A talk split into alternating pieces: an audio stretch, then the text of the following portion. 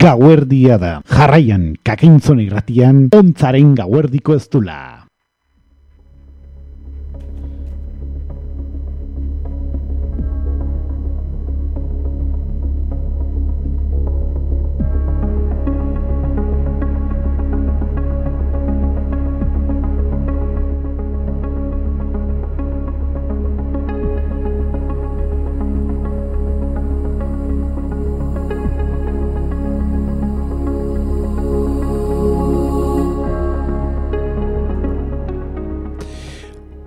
Gabon entzuleok, amabietatik segundu batzuk pasatzen diren honetan, ematen diogu hasiera gure gaurko ontzaren gauardiko ez dulari. Igandetikan astelenerako tartea daukagu, oiko legez. Eta gaurko honetan zer, bueno, ba, gaurko honetan nostalgia izango dugu gure izpide nagusia,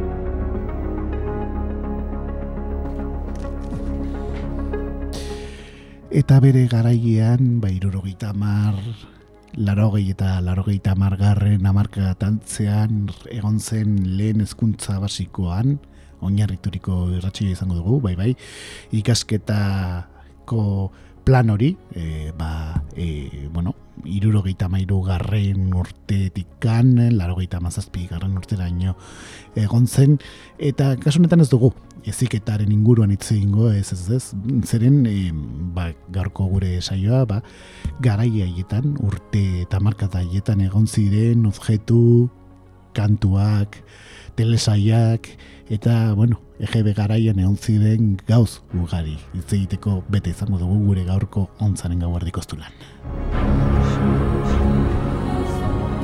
Eta besteak beste ezer e, izango dugu, bueno, ba, duela urte bete eskaz gurekin aurreko saio baten hau da dagona irratxe joan izan genuen lagun bat berriro gonbidatu dugu. Bera Javier Ikaz dugu, jo fui EGB-ko fenomenoko sortzaietako bat.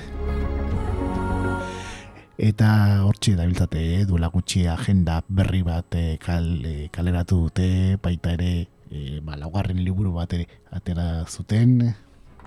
Bueno, konkretuki lau liburu, eh, maizko joku bat, eta CD bat ere kaleratu dute eta pasadien urtarriaren hogeita zazpian Madrilgo Within Center izeneko are, ba, kasunetan estadioan edo eta bari, aretoan ba, makrokontzertu bat egin zuten e, Jofia EGB lajira izenarekin. Eta horren inguruan ere hitz egingo digu, eh?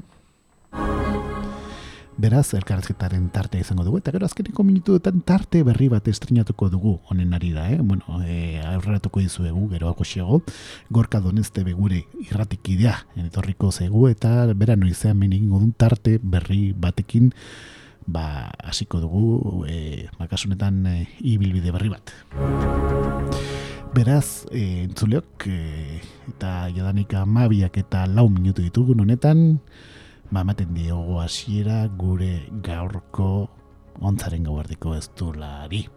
Beraz, gure ontzak bere oiko ibilbidea egingo du ondorengo minututan, eta asteragoa zongi etorri guzti behitxu duzu ontzaren gauardiko ez du eta jaso zazu aitor gutera zen aurrik beroena.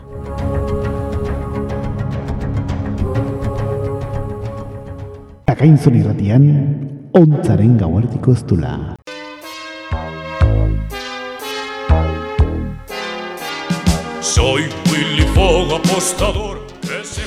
Gaurko gure ontzaren gauardiko ez dula, nostalgian eh, zentratuko dugu. Eta lehen hezkuntza basikoa izan zen garaitara, jungo gara, bai irurogeita mar, larogei eta larogeita mar garren amarkadatan egon ziren ez bakarrik telesaiak, eh, baizik eh, objetuak, e, jostaiuak, kontu gari musika.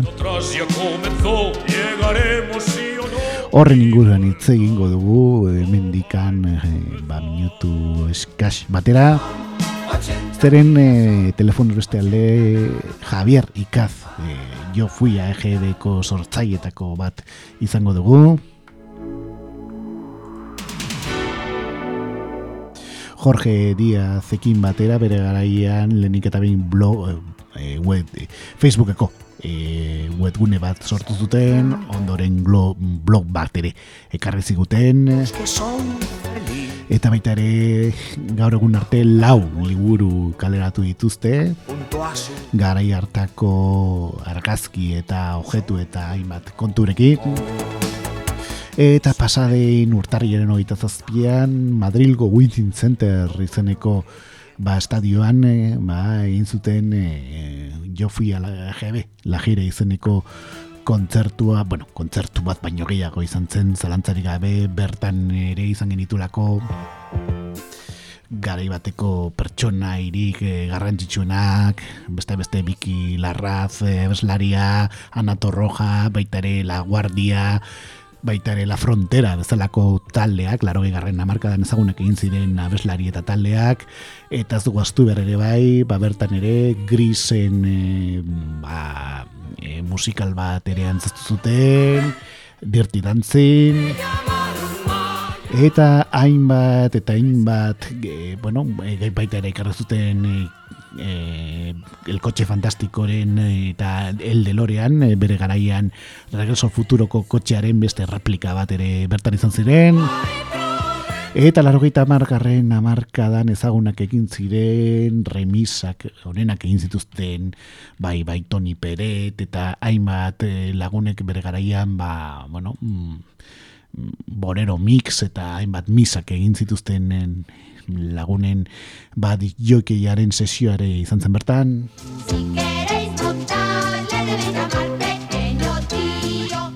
Eta jarraian horren inguruan hitz egiteko bete izango dugu ondoren, eh?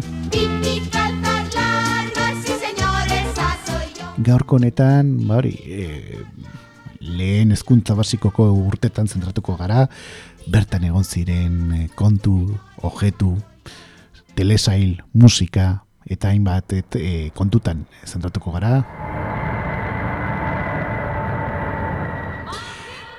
Eta gaurko e, gure tarte honekin horrela jarritzeko, ba, elkarrezketaren tartea zabalduko dugu ondoren.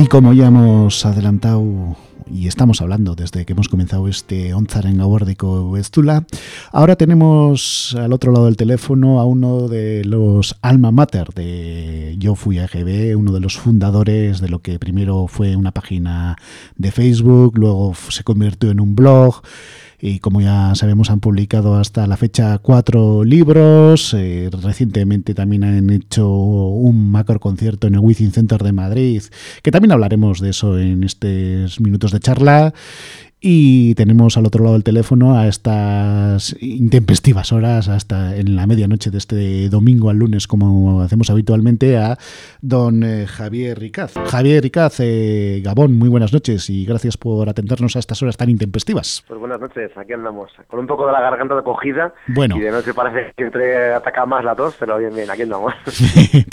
bueno, eh, ya, ya estuvimos charlando hace un par de temporadas en, en otro programa que teníamos en esta casa. Bueno, ¿qué tal? Eh, en, aquel momento nos dijisteis que estabais preparando el cuarto libro. ¿Qué tal va? ¿Qué tal va la venta del último libro del Yo Fui a Jebre, edición cuarta en este caso? Bueno, pues el, lo último realmente ha sido la agenda. O sea, este año. Bueno, sí, eso también, pero eh, primero íbamos a empezar a hablar del libro en este caso. el, cuarto, libro. A lo Paco Umbral.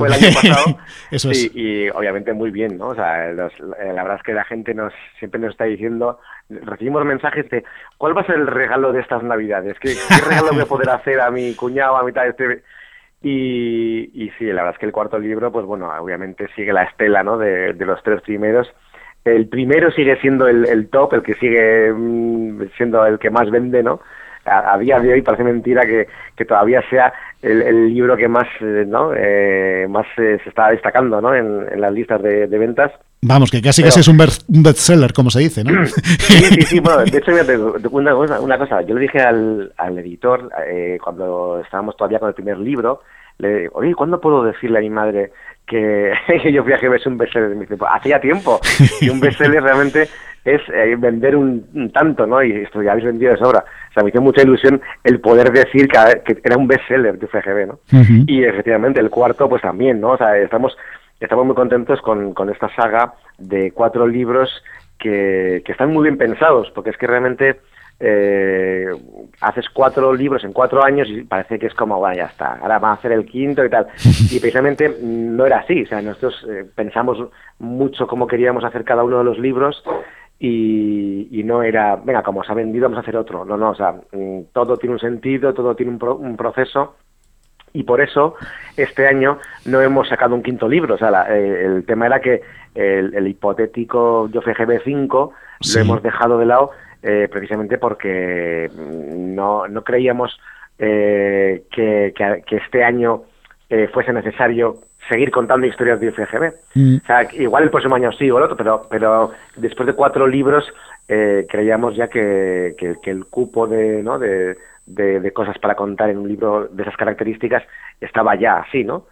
y, igual era importante reposar y dejar paso a, otros proyectos que teníamos eh, con, con Yo GB y otra cosa que se han pedido era una agenda eh, para de eso vamos a hablar una agenda es como muy también muy GB era como un poco como si fuera un diario no estoy como querido diario.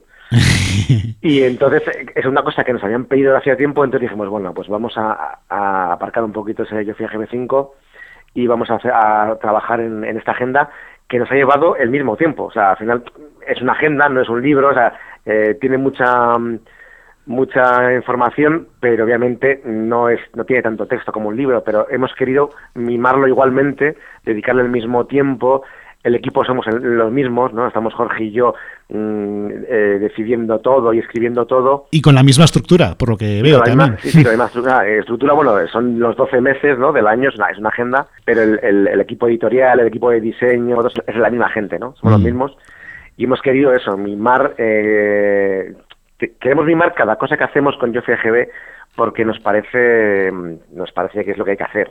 No, no me gustaría que Yo GB se convirtiera en una especie de cadena de montaje, no, bueno, ni yo ni Jorge, o ninguno de los dos eh, nos gustaría que se convirtiera en, una cosa de venga, vamos a empezar a sacar productos y ya está, ¿no? O sea, estamos siempre encima hasta el último momento, eh, incluso en la gira esta que hemos hecho ahora, está, bueno, la gira, el concierto que ha habido de presentación en Withing, eh, hemos estado encima pues para precisamente que, tenga esa calidad que, queremos que tenga todo lo que se llame Yo Fui mm.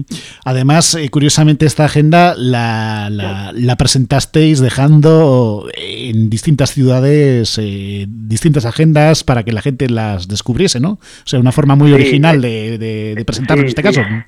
Lo del book crossing este es una cosa que lo llevamos haciendo ya también con los libros y con, incluso con los juegos. Eh, es una cosa que nos gusta, ¿no? Eh, soltar 10 eh, agendas, o la última vez creo que fueron más incluso, creo que fueron 14 o 12, 14, en diferentes ciudades y ir dando pistas, ¿no? A la gente para que, para que lo vaya encontrando. Es muy divertido porque estás viendo cómo la gente realmente se involucra. O sea, cómo nos mandaban mensajes de creo que es no sé dónde y me he cogido un taxi para, ¿no? Sea, que es muy gracioso, ¿no? Que te coges un taxi que igual te estás gastando más que lo que te costaría la agenda, pero porque lo que quieres es encontrarla mm. y, y, hacerte la foto y, y, es increíble. Y luego nos mandaban mensajes de todo, ¿no? En, me acuerdo con, creo que fue con el libro, con el tercer libro creo que fue, eh, lo dejamos en, en Barcelona, lo dejamos en un, en una, bueno, lo dejaron, la gente de Barcelona lo dejaron en, en una, en un parque, mm. y en ese parque no aparecía, no aparecía, no aparecía, y había gente por la noche, incluso había mensajes que nos llegaban por la mañana, al día siguiente hay gente que había vuelto por la mañana, oye, pues es que ahí no está, no está. Decíamos, a ver, que lo más seguro es que haya cogido a alguien y nos ha hecho la foto, ya está. O sea, que puede ser que, que, alguien lo haya cogido. Y la gente seguía buscándolo al día siguiente, era muy gracioso. Ya, ya. Por lo tanto, eh, no es la primera vez que andáis eh, con este tipo de gincanas, ¿no? Que que hacéis jugar a la gente, digamos, para buscarla. No, es que nos gusta mucho, nos gusta mucho jugar, jugar con, con la gente, ¿no? Eh, el, por ejemplo, en el último, en la presentación que hicimos en Madrid de la agenda, a la gente que vino le hicimos un examen sorpresa. Ah, sí. Con preguntas. Sí, sí, o sea, nos gusta mucho el tema de el tema de, jugar con la gente, sí. porque realmente de lo que estamos hablando cuando hablamos de Yo es de cuando éramos niños, ¿no? Claro. Y cuando éramos niños hacíamos una cosa que ya casi no hacemos, que es jugar. Ahora, hoy en día no jugamos, ¿no?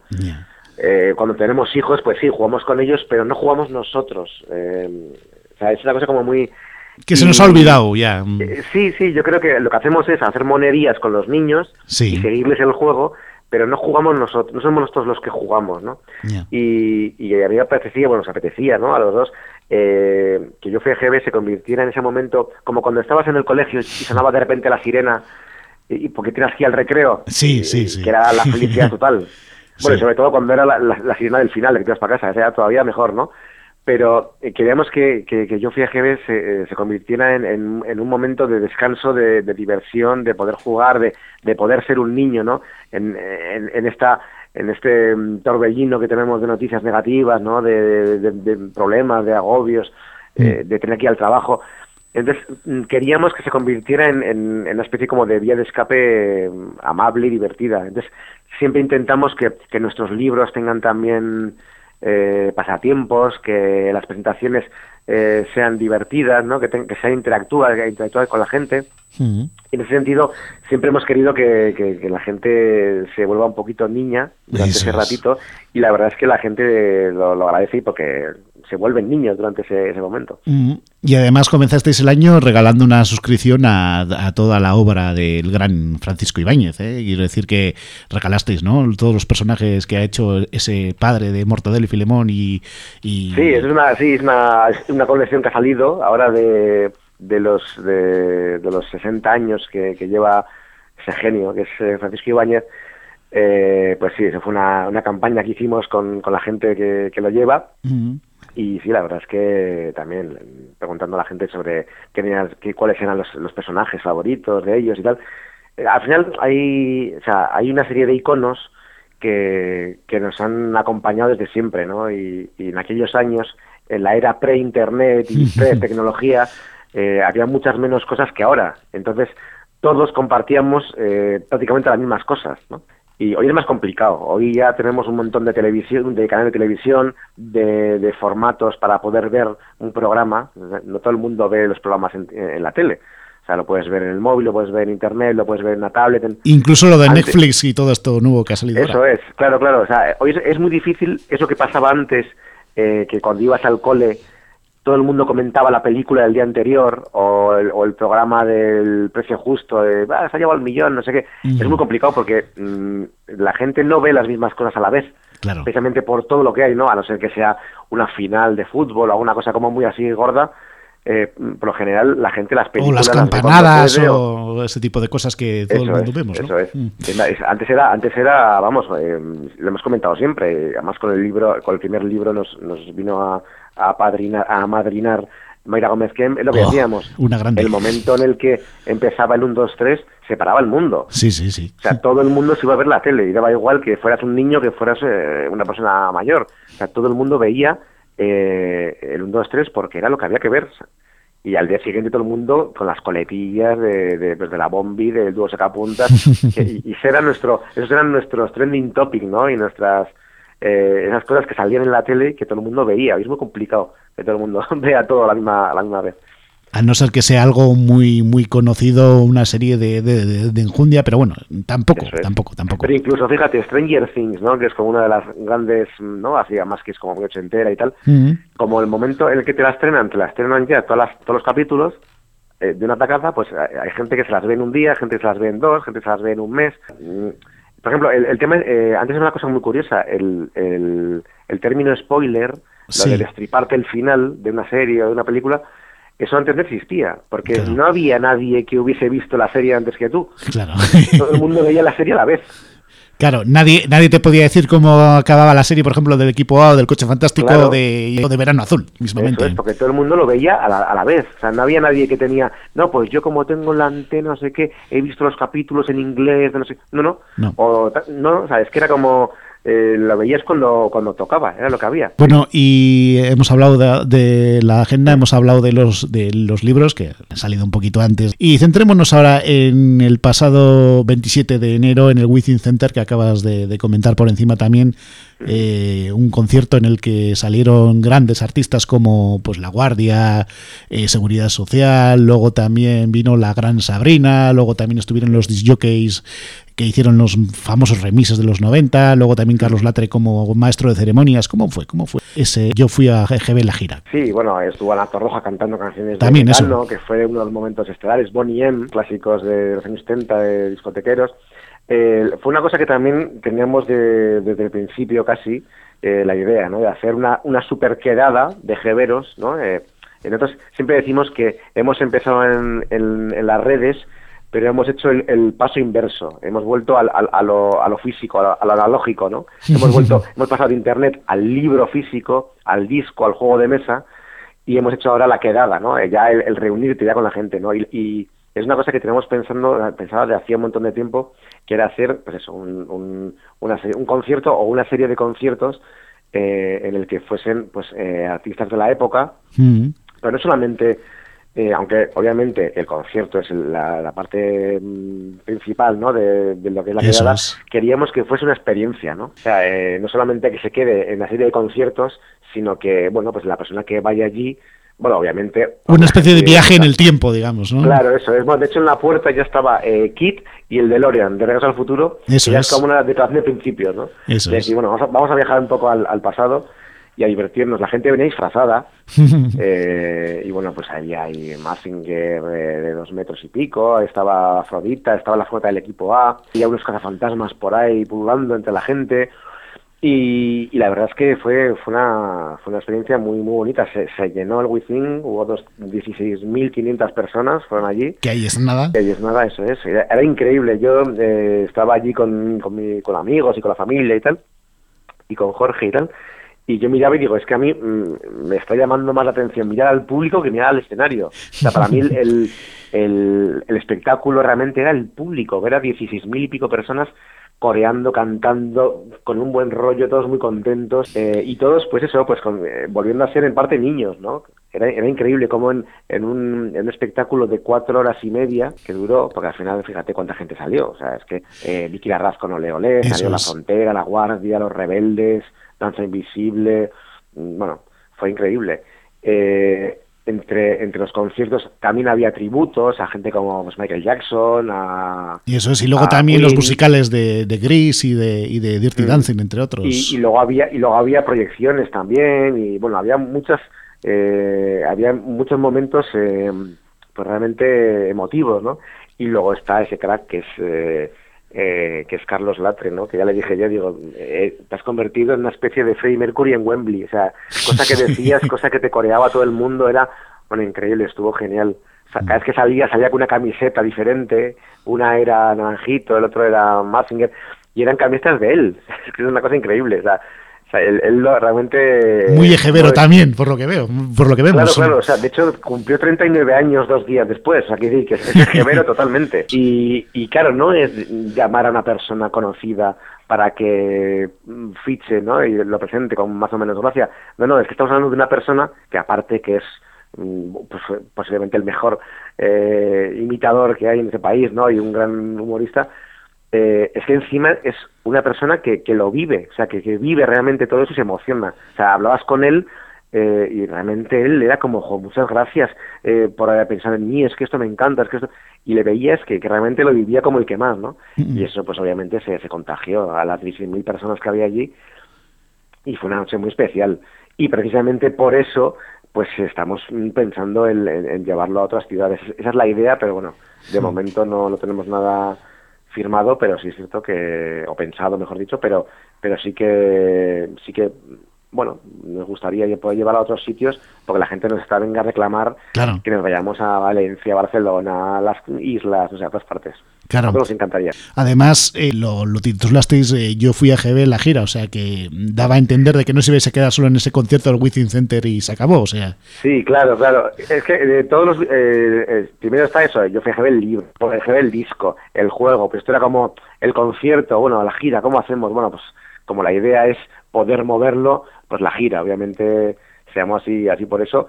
Y la verdad es que la respuesta ha sido, vamos, eh, prácticamente unánime, ¿no? Que la gente quiere más y que con muchas ganas, están con muchas ganas de la gente de, fiesta, pero además de fiesta sana, ¿no? Porque la gente decía eh, en, las redes, nos decían, jo, es que mm, hace tiempo que no veía tan buen rollo en, con tanta gente desconocida, ¿no?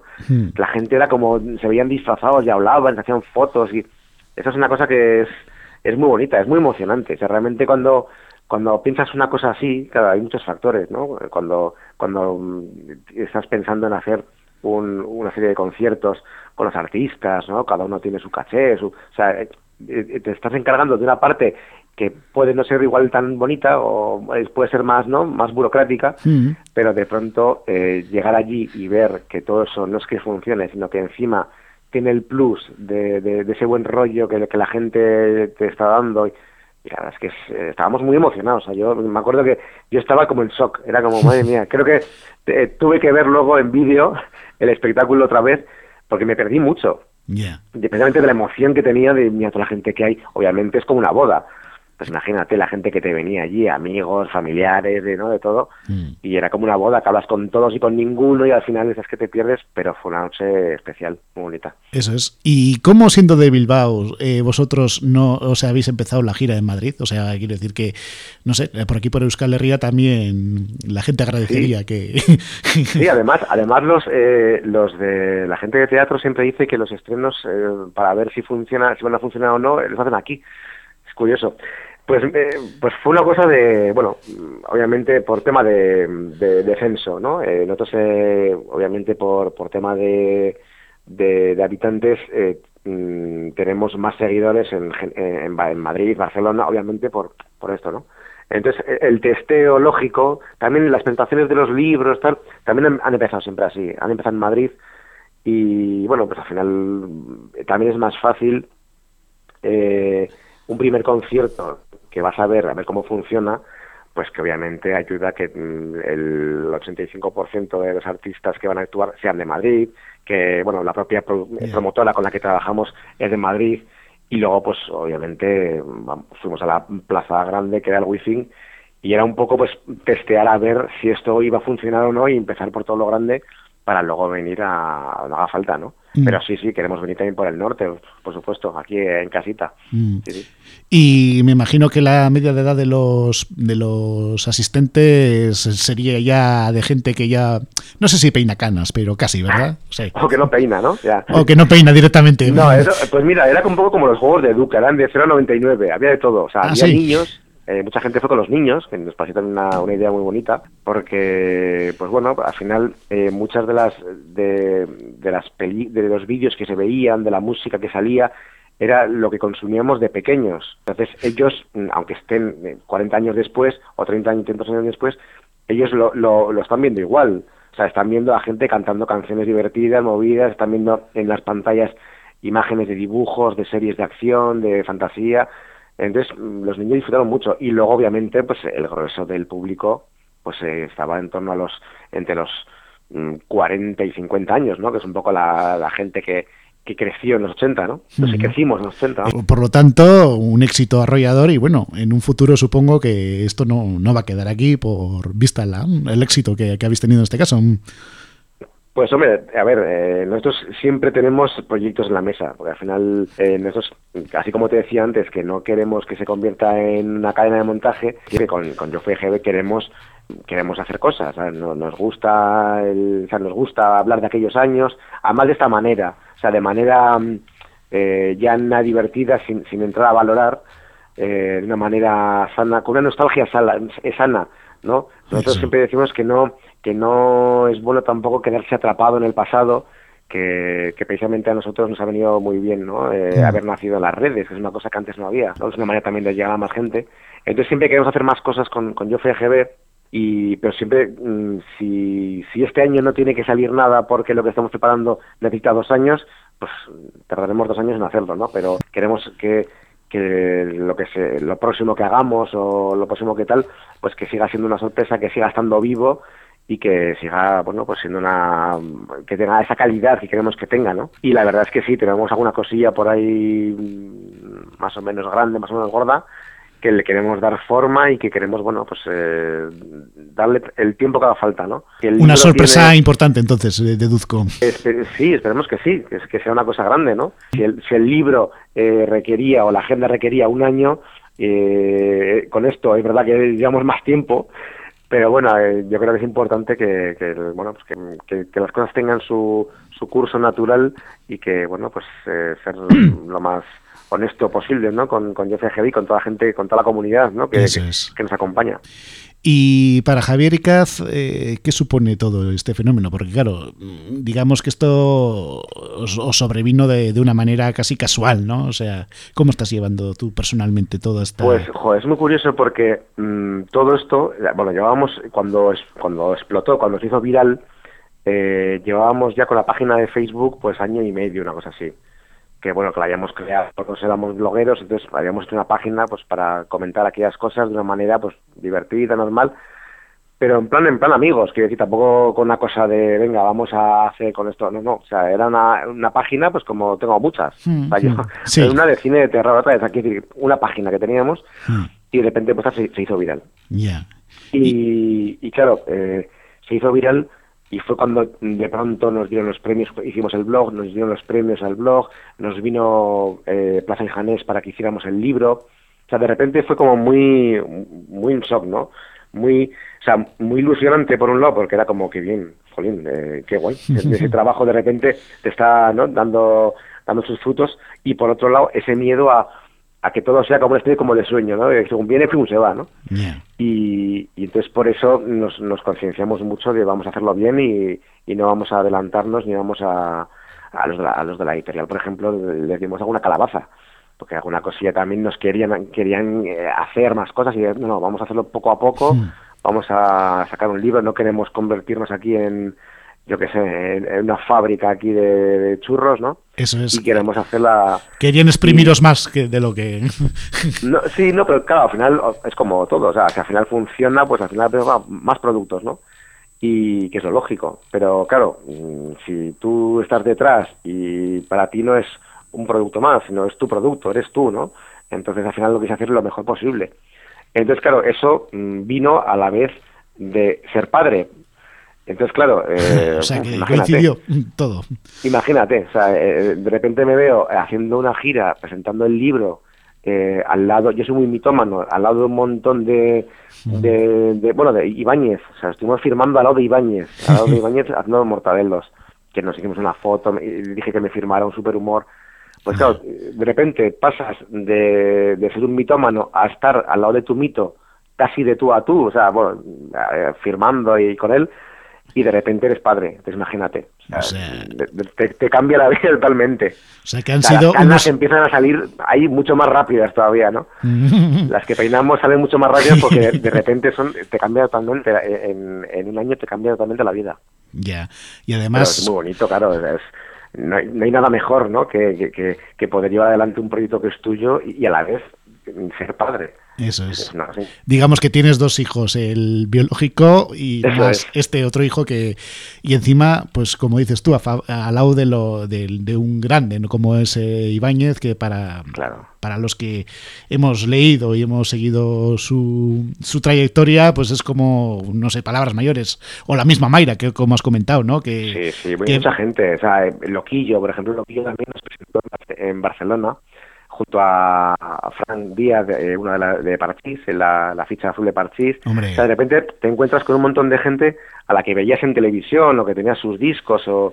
Hmm. O sea, yo decir, eh, estar con Loquillo y decirle, es que yo recuerdo con cinco años cuando mi primo me grabó el ritmo del garaje y esa cinta la tenía tal, o sea, y tenerle ahí, ¿no? Al lado. Y que él venía y hablaba de Yo fui a GB, es nada como muy es pues eso, como cuando mm, da a luz, ¿no? Eh, tu mujer y te dan el, niño por primera vez que hasta que no lo tienes, no, no es muy difícil explicarlo. Ya, ya. Pues de repente pues fue así, fue como muy, muy alucinante todo.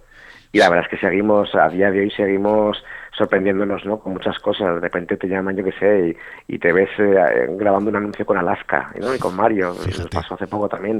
O sea, cosas de estas que que dices, madre mía, o sea, esto no me lo podía haber imaginado hace un mes, o sea, no hace años, hace un mes. Ni en tus mejores sueños, que se suele decirse. Ni eso es, efectivamente. Eh, mira, es una cosa muy buena que tenemos porque eh, decimos que cuando íbamos a GB ya éramos niños. Yo creo que realmente tenemos nostalgia de cuando éramos niños, que es cuando las cosas las vivíamos por primera vez, ¿no? Y todo nos, nos parecía increíble. Pues precisamente yo fui a GB, nos está haciendo a, Jorge y a mí, que con 40, 40 y tantos años eh, tengamos eh, tantas tantas primeras experiencias como cuando éramos niños, ¿no? Mm. O sea, de, repente eso te ves en, haciendo una entrevista en la radio, ¿no? O en, la tele, o con un famoso, o con un no sé qué. Claro, estás, estás viendo cosas que dices, esto nunca me había pasado. O sea, yo esto nunca había hecho. Entonces es eh, como cuando eras niño y de repente te llevaban por primera vez al cine. era como ir a una, excursión, ¿no? Pues aquí es, aquí es lo mismo y estamos muy agradecidos. La verdad es que no podemos estar más que agradecidos a la gente y a, y ya, yo fui a GB, claro. Mm. O sea que esto es como, vamos, hace cinco o seis años o antes de empezar esto os cuentan que ibas a pasar todos estos y diríais, está, eh, el que os lo contaba diríais, tú estás tarado, ¿cómo, vas ¿cómo va a pasar todo esto? Y, Eso es, o sea, que nunca me ha tocado la lotería y nada, que va, que va. Pero yo creo que esta es otra lotería, ¿no? Otra lotería de los que tenemos cierta edad y que hemos vivido una época, yo creo que irrepetible, o sea... Sí, sí, y que incluso yo considero eh, que no sé, igual una vuelta atrás en algunas cosas no vendría tan mal, no sé, o sea... Eh, mira, la gente nos habla mucho del dinero. Cuando alguna vez ponemos igual el típico billete de 100 pesetas o, de 500, decían, ay, lo que daba antes, antes con una moneda de 200 pesetas, te tirabas toda la tarde ahí comprando, y ahora qué poco dura, ¿no? Con, los euros. Bueno, al final es como todo, yo creo que eh, eh, cada época ha tenido sus momentos buenos y malos, y no hay ni que renegar de aquello ni que diciendo que lo de ahora no merece la pena. Y mm. yo creo que lo bueno del pasado es que nos eh, ha llevado a donde estamos ahora. Exacto. Y, y, lo bueno del presente es que bueno pues que, estamos vivos no al final. Es importante verlo todo. Mm y que además, eh, digamos que en su momento no calibrábamos todo, o sea, cuando vivimos aquellos años, los 90, los 80 y demás, no calibrábamos que todo eso iba a ser luego tan mítico como nos parecía, pues como hoy en día, ¿no? Lo habitual, lo normal, lo rutinario y... No, no, claro, y menos mal, porque si no estaríamos, venga a hacer fotos y a grabar todo para tenerlo luego registrado y ya no tendría gracia, es como lo de ahora, ahora, yo siempre digo, mi hija tiene cuatro años, eh, tiene ya más fotos que yo en toda mi vida. Pues fíjate. O sea, ya le hemos hecho más fotos, pero en una mañana podemos hacer 50 fotos. Antes era impensable, con eso, como las, las fotos antes había que, que, revelarlas y había que pagarlas y tal, no se hacían tantas fotos como ahora. Hmm. Entonces, claro, mm, poder rescatar una foto en la que encima se está viendo el Ford Fiesta que tenía no sé quién y el pantalón este de pitillo que tenía tal, eso tiene más gracia pero cuando dentro de 20 o 30 años vamos a tener registrado todo, toda la actualidad, en vídeo, en foto, en todo. Entonces, eh, no va a ser tan emocionante ver una foto porque lo tenemos ya, no va a hacer, no va a hacer falta ver una foto. Es, curioso, es una manera diferente de, de verla, ¿no? También la, las cosas. Y además las fotos ahora no corren el riesgo como antes, que si salía mal, pues te quedabas con una foto mal. Ahora, si te sale mal, le das a eliminar y, vuelves otra vez a empezar. O sea, sí, lo típico, dame una foto y dices, te haces otra por si acaso. Esa frase dice siempre, ¿no? Y al final acabas teniendo dos fotos de todo. es. ¿no? es una cosa como muy, voy a hacer otra por si acaso. Claro. Pero sí. Pero bueno, pues ahí está. Yo fui a EGB la gira. Hemos hablado también de lo, del libro, aunque un poquito tarde, pero bueno, oye, mm, eh, nunca está de más recordarlo. Y lo dicho, pues eh, Javier Icaz, muchísimas gracias por haber atendido a nuestros micrófonos y lo que decimos siempre, ¿no? y no es ningún cumplido, que estos micrófonos están abiertos para para cuando queráis y supongo que como habrá, como has adelantado proyectos futuros, pues volveremos aquí en estas pues noches a volver a charlar un rato y, y de a ver cómo os va con todo esto de la gira y con los futuros proyectos. Pues nada, ahí estaremos cuando nos llaméis, encantados. Pues muchísimas gracias, lo dicho, y que pases buena noche y gracias por haber venido a estas horas tan intempestivas a este Gonzarengo de Costula. buenas noches, muchas gracias. Gracias. Akainzun irratian, ontzaren gauerdiko ez Eta, bueno, Javier ikazekin izan garazkin minutu hauetan, eta orain, e, ba, tarte berri bat orkestuko dugu. Eta eskertzen dugu, e, ordu txiki hauetan gurekin hemen egotea, Gabon gorka. Gabon. Ontzaren gauerdiko ez ere, azalduko zara noizean behin gure bai, tarte berri batekin, eta, bueno, zer, zer aurreratu dezakegu tarte horren inguruan? Ba, pizka tartuko dugu amarka bat, eta amarka horietan pasairen albizte, albizte eta gertakariak aipatuko ditugu, ez? Ba, gogatzen zeate nola hau pasazazan urte hmm. hontan eta etor izan tejero, eta... eh? Hori da, hori da. Eta... Eta, bueno, ba, e, albiztek eta gertakarien zuen, ba, gara hortako, ba, abestiak ere gogorotuko ditugu. Mm, gaur gainera nola izan dugun EGB garaiko ah, kontuk. Bai, ze garaia, eh? Ze garai politak, eh? Gogorrak ere bai, eh? Bai, bai. Bai, egia bai, da bai, bai, baina, bueno, guk eh, edade edo eta urte batzu ditugunak... Eh, Desente ja ditugunak. Ia lehen ezkuntza basiko hori... Bai, bai, bai, Barne, egon ginen, eta... Bai, gaina gero torri zan bup, et, eta gau, e, batzuten ez detu lertzen, ze batzuk ez detu ze bup, Gairako eta gairero horren iru, iru bai. arlo bai. bai. Bai. Ren gainera batzoi legazpiko instituto famatu bat, bai. etorri bai. zaie burura. Bai, eh? karo, karo, karo. Aba, behirira, ez dizut esan lehen, baino, bai. baino igual bukatzeko, eh, eh, eh, gaur ege benguruan itzengo dugu, bai. baino igual bukatzeko rengo garaiak eh, ezagutzeko tala, jarri lat, latzeren lastana. Vale. Eh? Perfecto. Begir, Beste bat ben, ban, banukagun, baino, baino latzen lastana, bai. bueno. Zuzeneko kontu badakizu. Zenbat aldiz entzun dugu autobusen. Oh, pilla bat, pilla bat. Laro gehieta amargarren amarkadako klas, klasiko balada, ez? Balada, la, la, la balada klasika. Zalantzari gabe, zalantzari gabe. Oixe, ba. Oñati arra gainea, hemen bai, bai, bai, bai, bai, bai bai? Oñatiarrak, bai, bai, bai. Bueno, ba, eta gaurko honetan nola EGBko garaita zitzengo dugu, ba, bueno, ba, garai hartan, ez, telebistari helduko diogu. Bai, bai, bai, pizka, batez ere marrazki bizunak, eh? baino, eh, aztertuko dugu baita, eh, base zaio ziren, eta pizkat gur, gur esperientzia kontatuko dugu baita kalean, eta klasean, eta hola, mm -hmm. bai? Hori da, hori da. Hombre, Esperintzionak, eh? txarrak ez, eh? Hombre, esperintzi txarratarako memoria beti normalen hori... Bai, hori hor dago. Ka kajoi, eh, kanpoko kajoitan uste ditu, ose. Bai, bueno, eh, eta hasi hasi gara, ba, bueno, tel telebistako paiazoekin, no sé. Ai, txirri mirri eta txiri bituanekin. Gu gara garai hartako, ezta? Bai. Gure Ansorena... Ai, Peter Ansorena, e, bestean nola zan? Txema, Vitoria uste... Txema Vitoria eta, eta mir, ez, Mirri nola zan? Mirri Peter Ansorena. Ba, Txirri. Txirri nola zan? Ostras, ba... Eh, ez dakigu. Gero gaina, beraiek biek ere telebistan eh, ETV-en eh, bai, funtzioa. jo, eh. Elduentzako funtzioa. Gainera, gogoratzen ez funt, funtzioa, a, a belo hortzen dugun abesti hori, a, a bero hor dagoen YouTubeen. Begiratuko dugu. Ze justo, eh, abesti hori abestu non, e, ikastetxean, ni bintzen gainzurin, oh. eta hori abestu non jaialde baten amaierako kanta hori, ez? Ba, Playbacka, ez? Play... famatuak.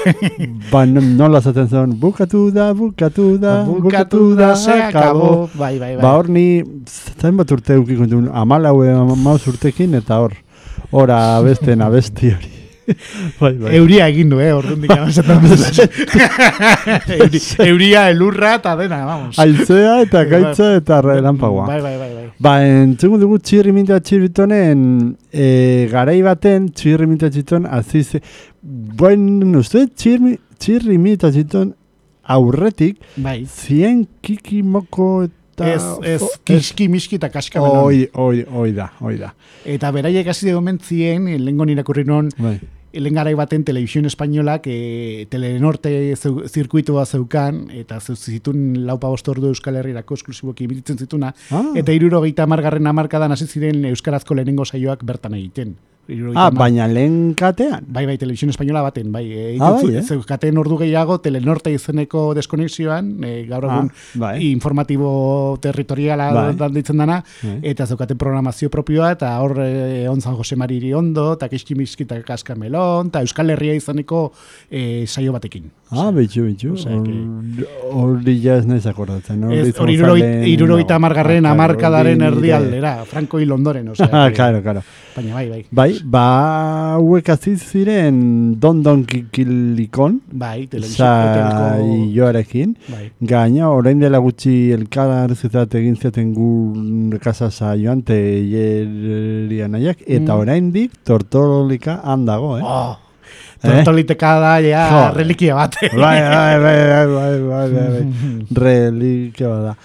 Eta egia da, e, gero, eskestak ze, ur, ze urte zan, baina ni aneota badauket, bai. ze ukinon, e, orain be, berez ez da bizi, zan, e, gizarteko irakasle bat, donostikoa, al, ales, eh? Eta ondo eramaten dintzen benekin, eta, eta bene zuen, joa, ez, ez gustatzen zai pillo bat zirri minutia txitan, baina ez nahi dejun, baina ez ez dakit nola eta hola eta. Eta zian, bueno, zu lasai, antoloko deu. Eta bera, mm -hmm. eraban zidan, ete bera, et, eta jaso egin zidan. Ah, osea, e, publiko gisa juteko ez? Bai, bai, bai, bai, bai, bai, bai, bai. Ja. Bai, bai, publika jundon eta gero eraman zian. Orain ez sekoratzen, ez, e, ze gugurazki eraman gozian donostiko estazioa, eh? Ja, baina, bueno, zara lago goratzen konkretuki, ez? Ez, baina berez, e, badak don, donostiko zala eta berak eraman zidan e, miramonena, jaso eta gero ni bueltamen. Ondo, ondo. Eta bai, bai, bai, oso ondo pasanon, eta... E, eta mm. hori badauketan, anedota. Ba... Bueno, ba, entzun dezagun e, txirri mirri eta txiribito, nez? Eh, bere... Don, don, kikilikon. Hori da. Oi, zapizuri eta altza Felipe. Oh, kantuk mitikoak. Jo, eh. Eta, ah, eta paistiz natorre, artista, artista ban naiz ni. Bai, bai, eta e, sagarra manzana ikatza karbon. Bai, bai, bai. Hor, e, euskara eta erderarekin ez, naztuta. Bai. Eta, eh? bueno, ba, entzun, ba, entzun dugu.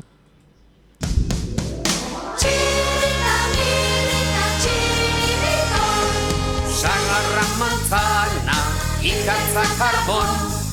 Mujer Andria ta hombre gizon Xanti, xanti, xanti, txiribi, txiribi, tero Xanti, xanti, xanti, txiribi, txiribi, ton. Txin, zue txirri, jakin txuta on. Besteak mirri ta txiribi, ton Xanti, xanti, xanti, txiribi, txiribi, tero Shanti, shanti, shanti, chiribi, chiribi, ton Hola entzun zazue, nire isena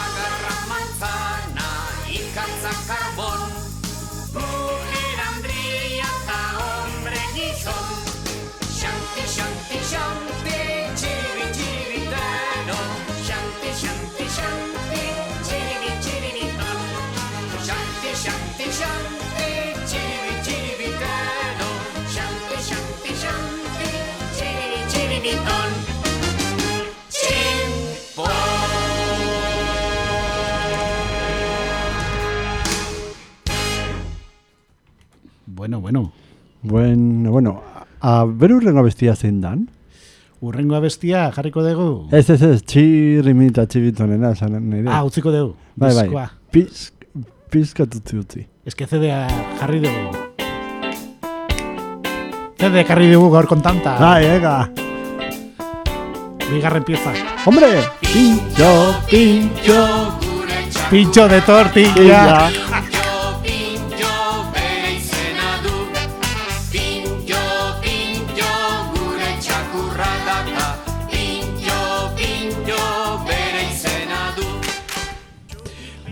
Bueno. Bai, bai, bai. Haze nolako oroitzapenak, eh? Hala ere, hala ere ez dakit, horrein umeak beti ez, or, um, amar, amarkadako e, umek, ez dakit, beti jaio dira tako, takolo pirritz eta porrotxekin. Hori da, pi- pirritxa Gu eta oso luzea, oso, oso luzea, ze, ja takolo pi- pirritz eta porrotx gu ja geneukan hogei urte baino Bai. gehiago.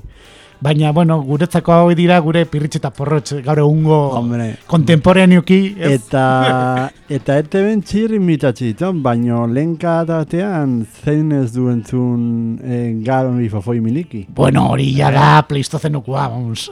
Hori ja da zarragoa. zein, zein ez du entzun, ba ez datakit, e, non la sana besti hori el coche papá. En ta- el coche de papá. Nos iremos a, A bailar. pasear. Eta gero best, beste era zegoen, ah bai, feliz en tu día. Hori da, hori da. Amiguito, que Dios. Dugun hori. Hori bai. Bueno, a ver, ba, hemen. Jo, que ya hemos... Gure diskotekan... eh, Bai, bai, bai, bai. Hori polita zan. Bai, bai. A ver. A ver, ba... Eh, Es que hori oso hone izan zan. Ze, garai hortan, bai. bueno, garai hortan, ja lehengotik, eh? Gogoatzen segu irratiko disko dedikatuak. Bai, Jo, eh. nolaz ba, nolaz ba. E, juten ginen hemen zumargan zegon etxe bat, eh, Bai. Igar Zabalen etxera. Hombre, Eh? gu, i, Jose Ángel Igar Zabalen beste etxera. lokutore mitikoetako bat. zalantzarik Mitikoetako bat. Et, eta juten ginen, esk, eske baina oso nazan, ze zart, zart, zart zidan zarren eta zaten zenun, zen ez zu disko dikoko, ah, etxoin pizka bat. Mhm. Emakumea etortzen zan, eta apuntatzen zon ze disko Bai. kuaderna baten, eta zen bada. Ba, ez dakit. Be- Berreun pezeta edo Bai, no? bai. Eta hor... Feliz en tu día. Oh, Gaina viniloko, eh? jo, Formatu eh, nekar hor- dugu. hori asko gustan zait.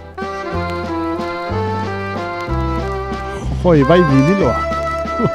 Bai, Sonatzen du, vamos. bai vinilo total. Gero esaten dute, kakainzerako viniloa estropeuta da hola, eh? Ba, oen txik uste duzu oso ondo funtzionatzen dola, bai, eh? bai, karo, karo. Hemen daukagu diskoteka oso partikularra, eh? Sekretua. Bai, bai, bai. bai. Eta ba, aurkitu dugu... Gero, gero beste abestiat baita zegon, partxiz, partxizena baita, kumpeaz feliz, horri nik eh, jende gehiago eskatzen zon, eta horri oso... I, ia egunero eskatzen zon jendea, Bai. eh? Han, eh, dis, disko dedikatutan, eta... Bai, eta uste disko hori ja, jarra jautok ukiko duela, porque... Guk uste dugu daukagula, eh? Bai? Baina, bai, a ver, a ver. Oh!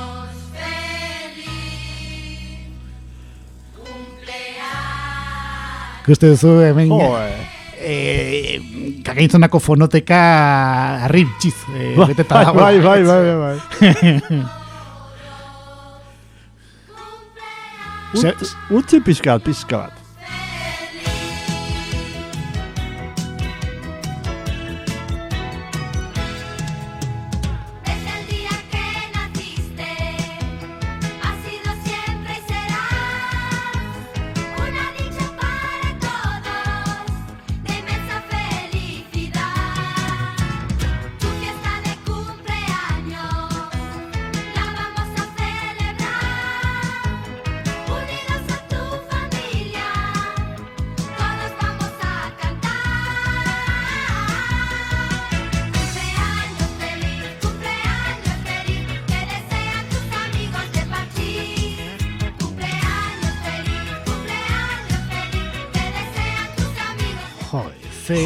Joe, ze hace- oroitzapenak. ez da? Jo, bai, bai.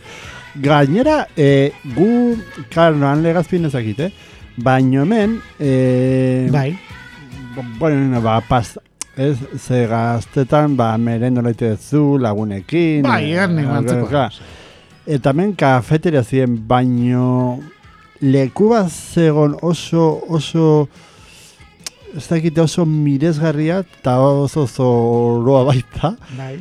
E, karo, orain zumako polikiroliko leku hori, or- Bai. orain ematen due, ba, klasa, klasaseak, baino garai baten taberna zan, eta, eta Bai, an, zuten urte betetzeak.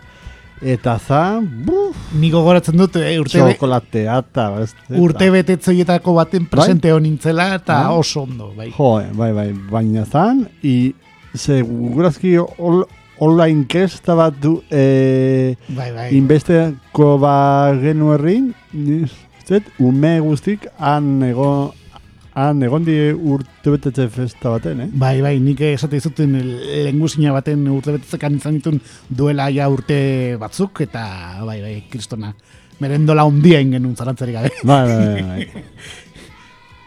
bueno, bueno, eta horre, eh, oain, eh, bai, urrengo ez dira zein da? Ah, beste marrazki bizi bai, ez? bai, hori da. E, Zein da? Japoni aldetikan etorri zitzezkigun... eh, Hombre, dragoi bola zeta, ez? Hori da, Oh. hori da, hori da. Zenbat, ez dakit, zenbat ume ikusute mar, marrazki bizi hauek. Asko. Ba, generazio ezberdinak.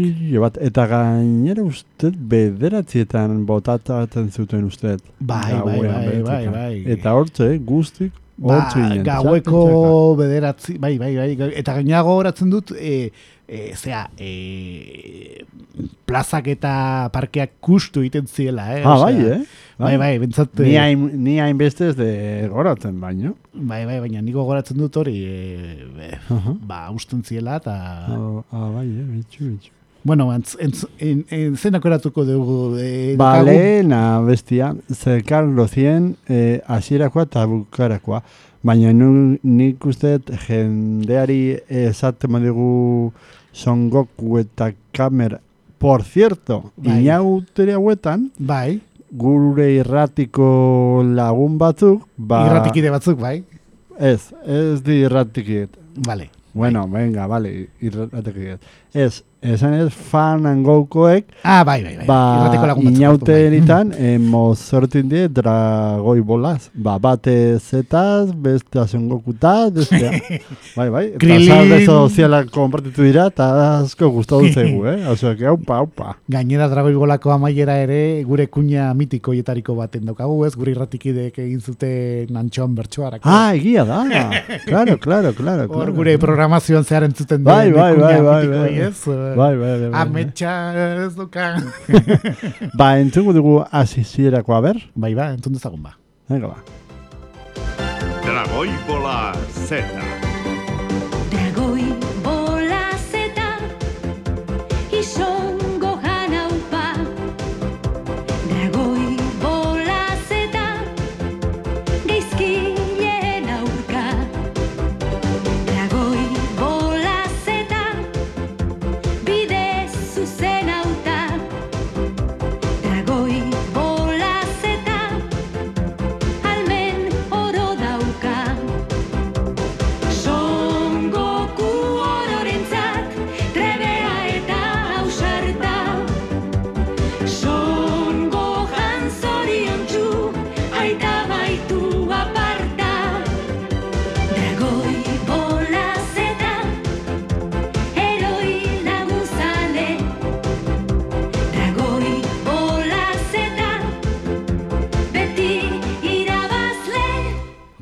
ze, Joder, ze ba. oroitzapenak, eh? Ze oroitzapenak. Bai, baina ni asko, asko gustatzen zitzaidan Son Goku txikitan, eh? Ja, gero aita zan, eta gero, ja... eh, Gero okertze aldera juntzan, eta Bai. gero burruka gehiagi, ez da? Bai, bai, bai. Indarkeria Baina asko. zierakoa oso, oso graziosoa izan zen. Bai, bai. Gainera, eh, kromoak ere atera zituzten baita. Bai, ia da, Bai, jo, bai, eh. bai, bai. Hor, eh, kioskon eta erosten Bai, bai, genitunak, bai, eta, bai, bai, jo, bai, bai. Ze, ze oroitzapen. Bai, bai, eh, men nik uste dut urretxo eta zemareko jendea jutuina jakin liburu dendara. Mm. Bai. Guk eh, erosten genuen laubideko kioskon eh, Ah, bere garaian, hor eh, laubide alden dago Bai, kiosko bai, bai, mitiko bai. bat, ba, hor, justo. Hoxe, hoxe. Eslader zanaren ondon. Hombre, Slader. Aquella diskoteka. Hori da, hori da. Eta orain zer? Zerrekin jarriko Ba, ez dakit, zein da urrengoa bestia? Bueno, ba, errege baten inguruan hitz egiten. Hombre, Arturo Erregea. Hori da. Zein, zein ez du ikusi Arturo Erregea? Eh? Mm. Zein, zein ez, ez dago eratzen Arturo Erregetaz? Bueno, nik egia esan da ez Ez gehiago. hainbeste, ez? Ez. Bakizu, hemen, gu bai. e- e- hemen eh, adinaien arabera, Bai, ba, claro, ba, claro. gehiago edo gutxiago. Baina, bueno, entzun dezagun Bai. Arturo erregea, Erregea. gaina euskeraz, eh? Osea, Euskeraz, eh? Hori da. Hemen dan euskeraz. Hori da.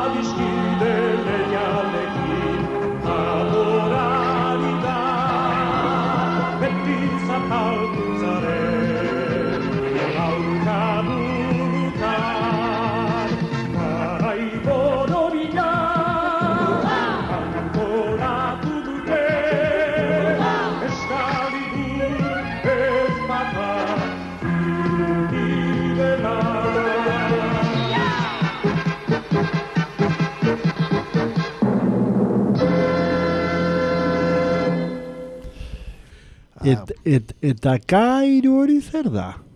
E, bueno, Hor, eh, Ez dakit. intro hori eh, beste eh, telebista katetikan eh, Ja, baino hori ez da ETV bat. ez, ez, ez, karo, eski igual, dakit, igual audioa bazeukaten eta gero ba irudia sartzeko ba, Ah, claro, claro, claro. Eh, ba, Ah, zeukaten. Bai, bai, bai, bai, bai.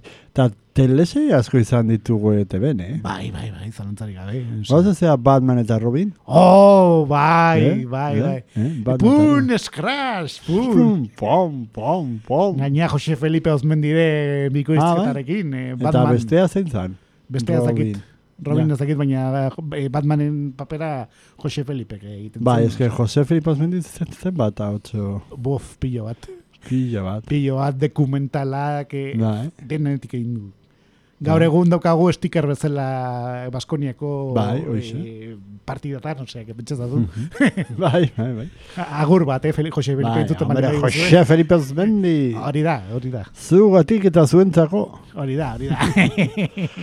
Eta orain ez naz gozatzen nola telesail...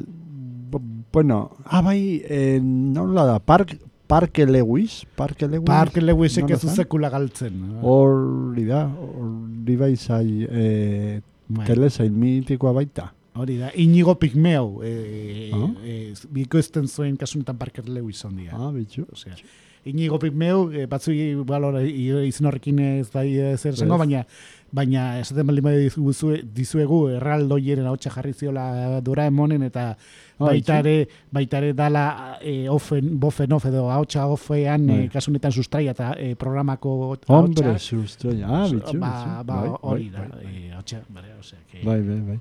Gero hor gogoratzen dugu lehiak eta pillo egin zuten, ba hor, eh, Bai. no, nola zan mozedezko, mozedezko mm, abeslaritako bat, inigo zan? Inigo Zubizarreta. Bai, inigo zubizarreta, umen... Bilin Bolonka. Ah, hori da, bilin bolonka. Hori la laro eta margarren Bai, amarkadako bai, hasieran bai. eh, emititzen zen. Gero zegon beste saio bat sintonia zen it, itoizena. It, itoizen itoizen abestira. Flanberi eta bere astakilloak izan daiteke. Zegit, ez zan marrazki biziunak, eh? Ez, ez, ez, ez, eske behon zan teleprograma bat egin zutena elkarrekin eh, Juan Carlos Pérez eta Bernardo Ratxagazala Flanberi eta bere astakilloak. Eh, Ah, bai, igual hori izango zen, eh? Dakit, Eta eh? gero zegoen beste saio bat, e, e, kasu honetan e, ez zuena e, itoitzeko egin, osea, beste programa bat zegoen, Ja. ikusi eta ikasi zen. Ah, egia da. Igual hori izango da. ikusi eta Inigo ikasi e, egiten zuna eta e, Delirium Tremensen kantua erabiltzen. Ah, bale, bale, bale. Igual hori izango zen, eh? Ikusi eta ikasi eta ondo entzun. Bai, bai, bai. Gero ba, ez, eh, ikimlikli klip. Hori da, hori Eh? da. Izaro Ormaza iraeta bada. ez ezagun batekin. Ah, izarro ira eta. Ah, Ah. izan zan bere aurkezlea, bai. Aha, eta gero katu kale. Ah, bueno, ez hori aurreago, aurreago izan zen, eh? Ah, bai, ah. Bueno, et, etxe honetako gatukale gero etorri zan, bai. Vale, vale, claro, claro. baina, baina, bueno, hori beste, beste kontu bat.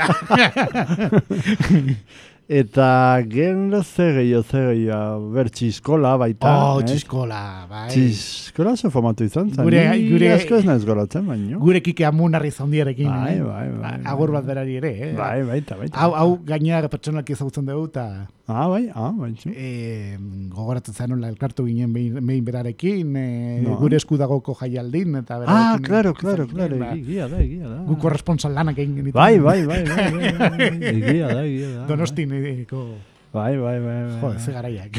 Gero zorginen laratza baita. Hori da, Euskitz eta Claudio horekin, eta... Bai, bai, bai, bai. Az, haze Claudio gaztea, eh? Boh, Haze Claudio. boh, gaina biak e, tanden bat dituzten, ematen zuten, e, bueno, sarda eta Bai. hori zen antzera, baina Euskal bertsioarekin, ora. bueno, urrengo... Bai, urrengo abestia. Dotakon, kon, kon. Hombre, dotakon oso marazki biziunak ezaguna baita, eh? Bai, ba, bai, ba, eta e, seguru asko batzuk e, gogoratuko dutela, entzun dezagun Bai, kantua. bai. Gaina hemen e, Euskal musikako e, kantari klasiko bat jartzen dira hotxa. Zein. Ba, ez dakit, egan asko egin zuen e, Hom- lagun bat. Hombre. Hori da, Hombre, hori bueno, da. bueno, bueno, bueno. Bera, ez entzun dezagun.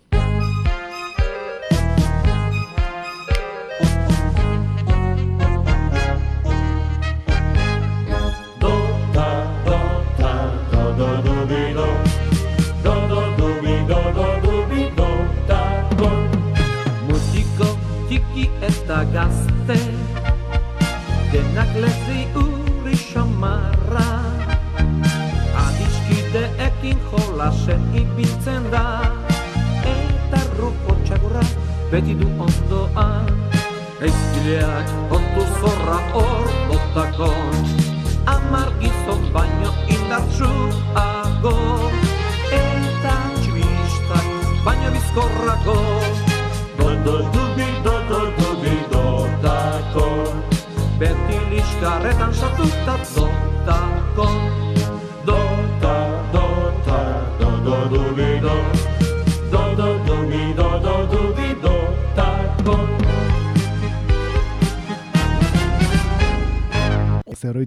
izan ditugun eh, kantu honekin e, e, gorkalo hartu digu, ez? Ez, ez, ez, hemen Ah, hau, bueno, hemen hau. hau, bale, bale, bale. Ez que Ez, ordu, ez, hemen, ah, ordu hauetan oikoena da, eh? Claro, Oikoena claro, da, claro. ta- Jalo, nagota. eh, bai, oso berandu da. Eta Bai, ba, marraz, marrazki biziun hauek oso famatu izan ziren. Beste hauek bezala xe, eh? Lau, lau, lau! Hor, Nekanes aro beren hautsarekin. Bai, bai, bai, bai.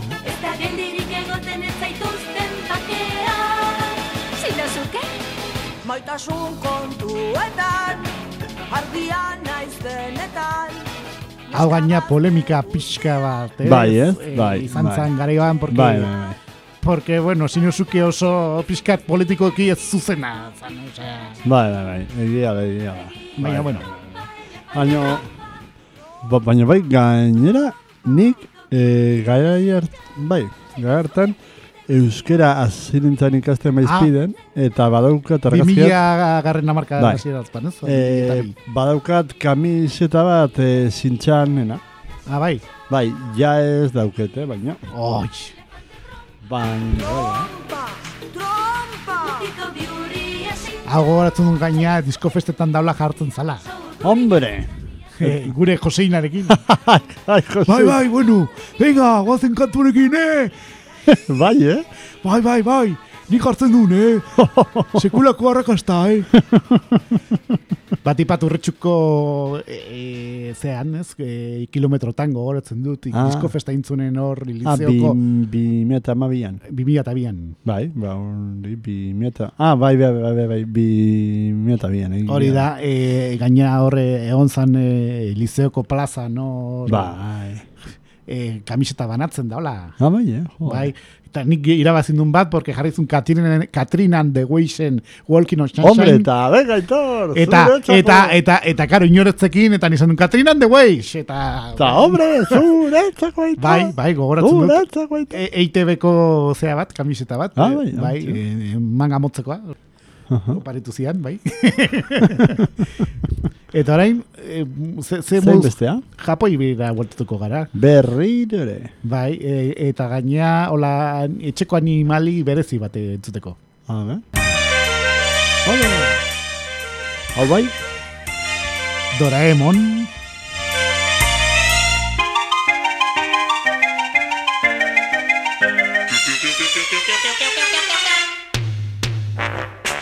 goizetan egunan eta gauetan gabon Ilargiko lehioan nobita eta doraemon Zepozik bizi diren amets batetik bestera Beren lagun eta diskidekin batera Zatu kosmikoa magoa ere bada Bai,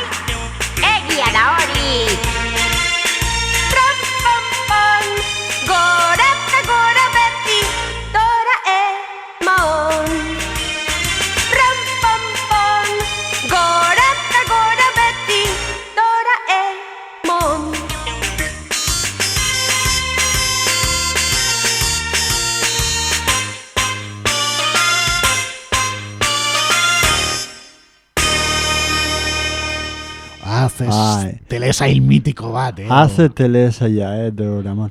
Baina, baina beira, orain, oraingo marra arazki bizunak ez ditia oso politak ez da, eh. Ez oso asko okertu dira, eh? Bai, bai, bai, bai. Ez dira garai bateko marrazki bizunak eta... Jo, ni batzen ez marraz, marrazki bizuan pila ikusi zen du, badartainan eta hiru Oh, bai. mosketerok. Moske perroak. Sherlock Holmes, eh? eh? Sherlock Holmes. Bai, Sherlock Holmes eta... Eh, zen gehiago Will, Willy Fogg. Oh, bai, Willy Fogg eta bere, bere bidaia, eh? Hor, Bai, bai. sekulako bidaia entzunen, bai, Gero baita mm, ze jo, Al, Alvin y las ardillas, Oh, Alvin y las ardillas. Jo, ze garaikoak. Bugs Bunny, Bai. Bai. beste, beste mararrazki bizin batzut baita Los Autos Locos. Oh, bai, bai, bai, Eh? bai, bai, bai, bai. bai. Irri fararrekin, oh, oh, oh, hori, hori, hori, hori, hori, hori, hori, hori, Hori egiten zuen, eh? Bai, bai, bai, bai, bai. Eta ez dakit, ze gehiago, hainbatu, bueno, hainbat, eh, beste katetan, ba, zer, zer, zer esan ikusten. ¡Hombre! ¡Joder! Jo, hau bai ziren mitiko. Eta gogoratzen naiz, e- et, eta beira, hau anekdota bat da, Ah, eh? bai. E, garai baten, larun bat atxaetan, orain, kezi cine de barre, Ba. pelikulak eta pelikulak. Baina garai baten, goratzen ez gu jute ginen ludoteka lasaiera, ba, zen bat urte, ba, amazazpi, emenezi urte, Bai. eta ema, eta zeren iru kane, arroza, berdea, eta, o arrozo, arrozo berdea eta beltza ez dakit. Mm. Eta irek, irek, ire, irekitzen zuten e, bostetan eta izten zuten bederatzetan. Oh. Eta ordu horretan ar, e, azten zen Club Disney.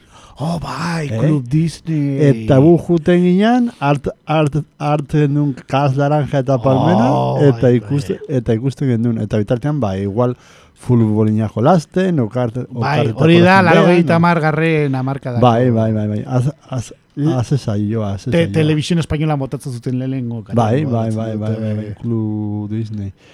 Gero beste zabat, La Quinta Marcha baita, Ah, bai, bai. Telecincon. Hori da, hori da, hori Ze, hori zer da? ez, e, best, e, igandetan botatzen zuten. Hombre, Club Disney, bai, bai, bai, bai, jo, eh.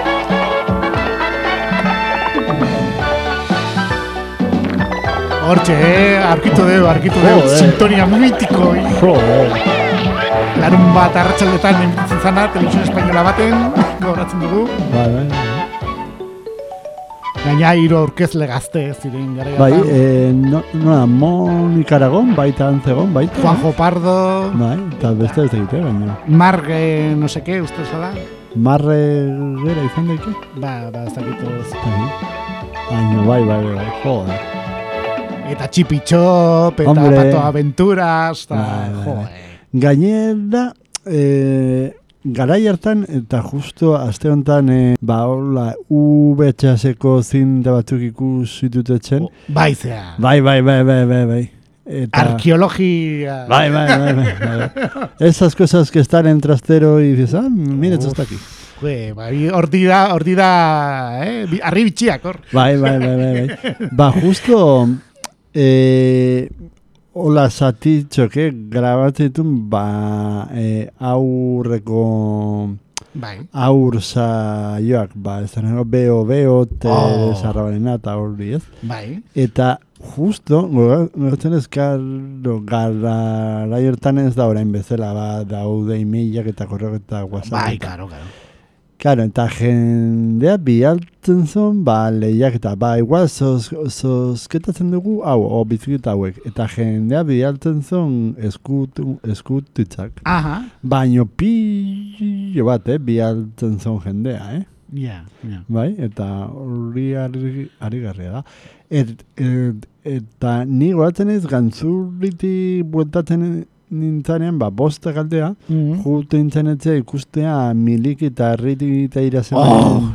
Nola zan, eh? ai. Super guai. Bai, bai, super guai, ba, baina gero beste izen batu kizon baita.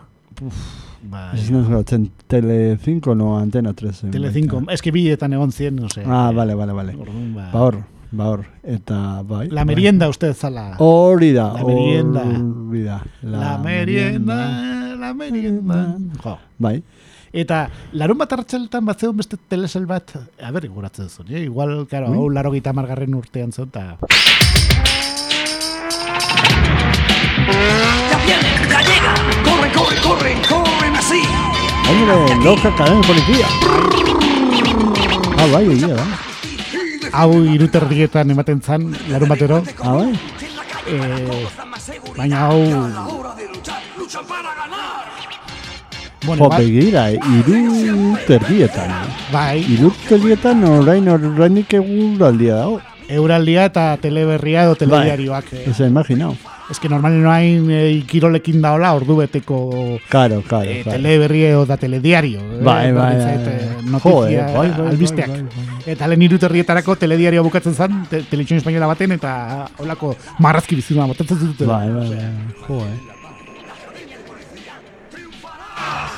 Eta hau izan zen, ba, laro margarren urtean eman zen, eh, gar. Aquí está. Jo, ze, ze. Bueno, eta horre, eta horrengo bestia, zein? O ja igual amai... Amaituko dugu. Bai, a, a, amaituko dugu. Eta lehen esan bezala, Bai. ba... Zeren bestela, igual, e, e, e, kale gorrioniko la, e, lagunek ez, ez, eta horren Amaia, hemen harrapatuko gaituzte. Amaia, amaia, ah, jo, eh, Amaiera, esan, bueno, wait. bai. Ez, amaia eta bere lan taldea e, eta kolaboratzale guztiei ez dugu, eh? Ezin diogu olako, Ez, ola, ez, ola, ez, ez. olako... Al, zein, al señor nola da, hau ibiltzen da asteartero goiz, goizetan eta asko gustatzen zait. E, uf, Nafartarra, sozial, sozialista. Ah, bai, bai. bai. Ez da, ez da señor Ruiz, o Bai, ez bai, dakit. bai, Bai, bai.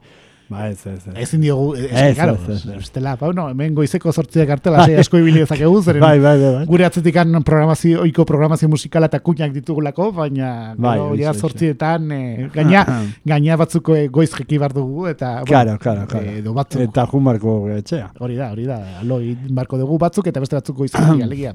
Eta e, lehen aipatu izuet, ba, ni e, EGBTero barren egin non, legazpin. Karo, hasieran ren zan, baina gero Ola Zabal, lehen zan ren legazpi eta gero Ola Ez dugu laran astu behar Ren eh, Michael Stapeke bere garaian ekarri zigun Ren Ez, ez, ez, ez, taldearekin, ez, eh? ez, Ez ez, ez. ikusirik. Ez, ez, ez. Eta, ba, ni goratzen dez, e, garai haietan, ba, pixkat e, etortzen ginen emakumeatekin ke orain dela desente urte utzi zigun, e, Bai, uste kanzer baten ondorioz, bai, ba. e, Mari Carmen, joe, os, oso, oso txoferra hona zan. Nire kimentzat asko, asko maiten nun. Bai. Eta juten ze, eh, ze autobus konpainia zan? Agirre autobusak. Ah, bai, bai, bai, bai. bai. Nik ere bilen nintzen. Bai, bai. Eta, buen, no, barrek... Gure, eh, gure oroimena. Eh, bai. Mari Carmen entzako bai. Bai. Zu, ja, zu kezen zen, eh, ni nahi dut hau. Eta bera jartzen zen. Eta, Osea, eta goratzen ez goizetan. Entzu, entzulearen petizioa. Bai, bai, bai, bai, bai, bai. Eta gora- goratzen ez goizetan jartzen zon e, gaztea, eta ora, ibintzen ziren e, batetik edurne garmendi eta itziar alduntzin. Bai, salgai. Bai, sa- sal, sal, Eta Eli saletan. Legarda baita ere. osea. Ah, hori ja ez nez goratzen. Mm. Baino, e, de, de repente igual, karo, gu irur eta irtertzen ginen, eta egunen baten entzuten zenun piperrak, Oh, bai. eta beste egunen baten kamamela. Ba, jo, eh, kamela. Gasolinetako erregeak. ba, claro, claro, claro. Gasolindegita. bai, bai, bai, bai, bai. Eta, bueno, ba, bukatzeko, ba, han ere asko, asko entzuten zen, eta gure garaikoa zen lat, latzen, Oh, bai. lastana, eh? Oñatiarrak hauek ere. Bai. Eta goratzen dut baita garai baten inigo etxenik eren ba fono mi. Ai. Eh? eh? Hori, bai, gure, se, segure irratiko lagunak, eh? Hombre, claro, claro. gure, claro. gure besarkadirik handiena inigorentzako ere, bai, Bai, eh? eh? Ue- e, gure baten ekar, ekar, ekarriko behar diozu hemen ontzaren gau gordiko zula inigo Ba, karriko dugu, eta Eh, etor, eh? etorri barko zea, eh? Eh, Barko oh. duzu trasnotze pixkat, Hoxe, hoxe, hoxe, inigo. eta hemen eh, gure guretzako maixu bat izan den irratik gintzan behintzat Bai, bai, referente bat izan dena Joe, ekarriko joe. dugu, osea... Joe, bai, bai, gora, gora tenés músicas blai especial domingo, especial festivo. Ai, Eh? Hazen Que esan etortzen puntual inoiz. Ah, ba, ez, ez, ez, beti, beti bazkarian noz bai luzatzen zaion. Sobremesan, eh, horre, Bai, claro, claro. Zan, hor... Ba, ez dakite partida jolasten Bai, familiekin. claro, ba. claro, eta, ba, bueno, eta bukatzeko hori latzeren lastana. Hori da, entzun duz, eh, ba, eskerrik asko gorka eta beste, Bai. ba, aurrengo arte. Bai. Beste ikusiko gala. Bai, jo.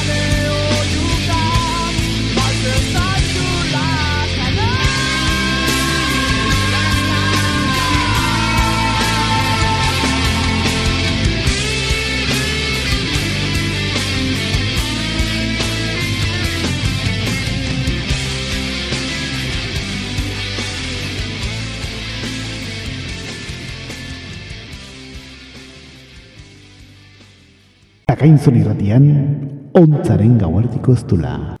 Eta denbora galdu gabe, jadanik ere oso berandu egin zaigu, eta amaitzera goaz gure gaurko ontzaren gauerdiko ez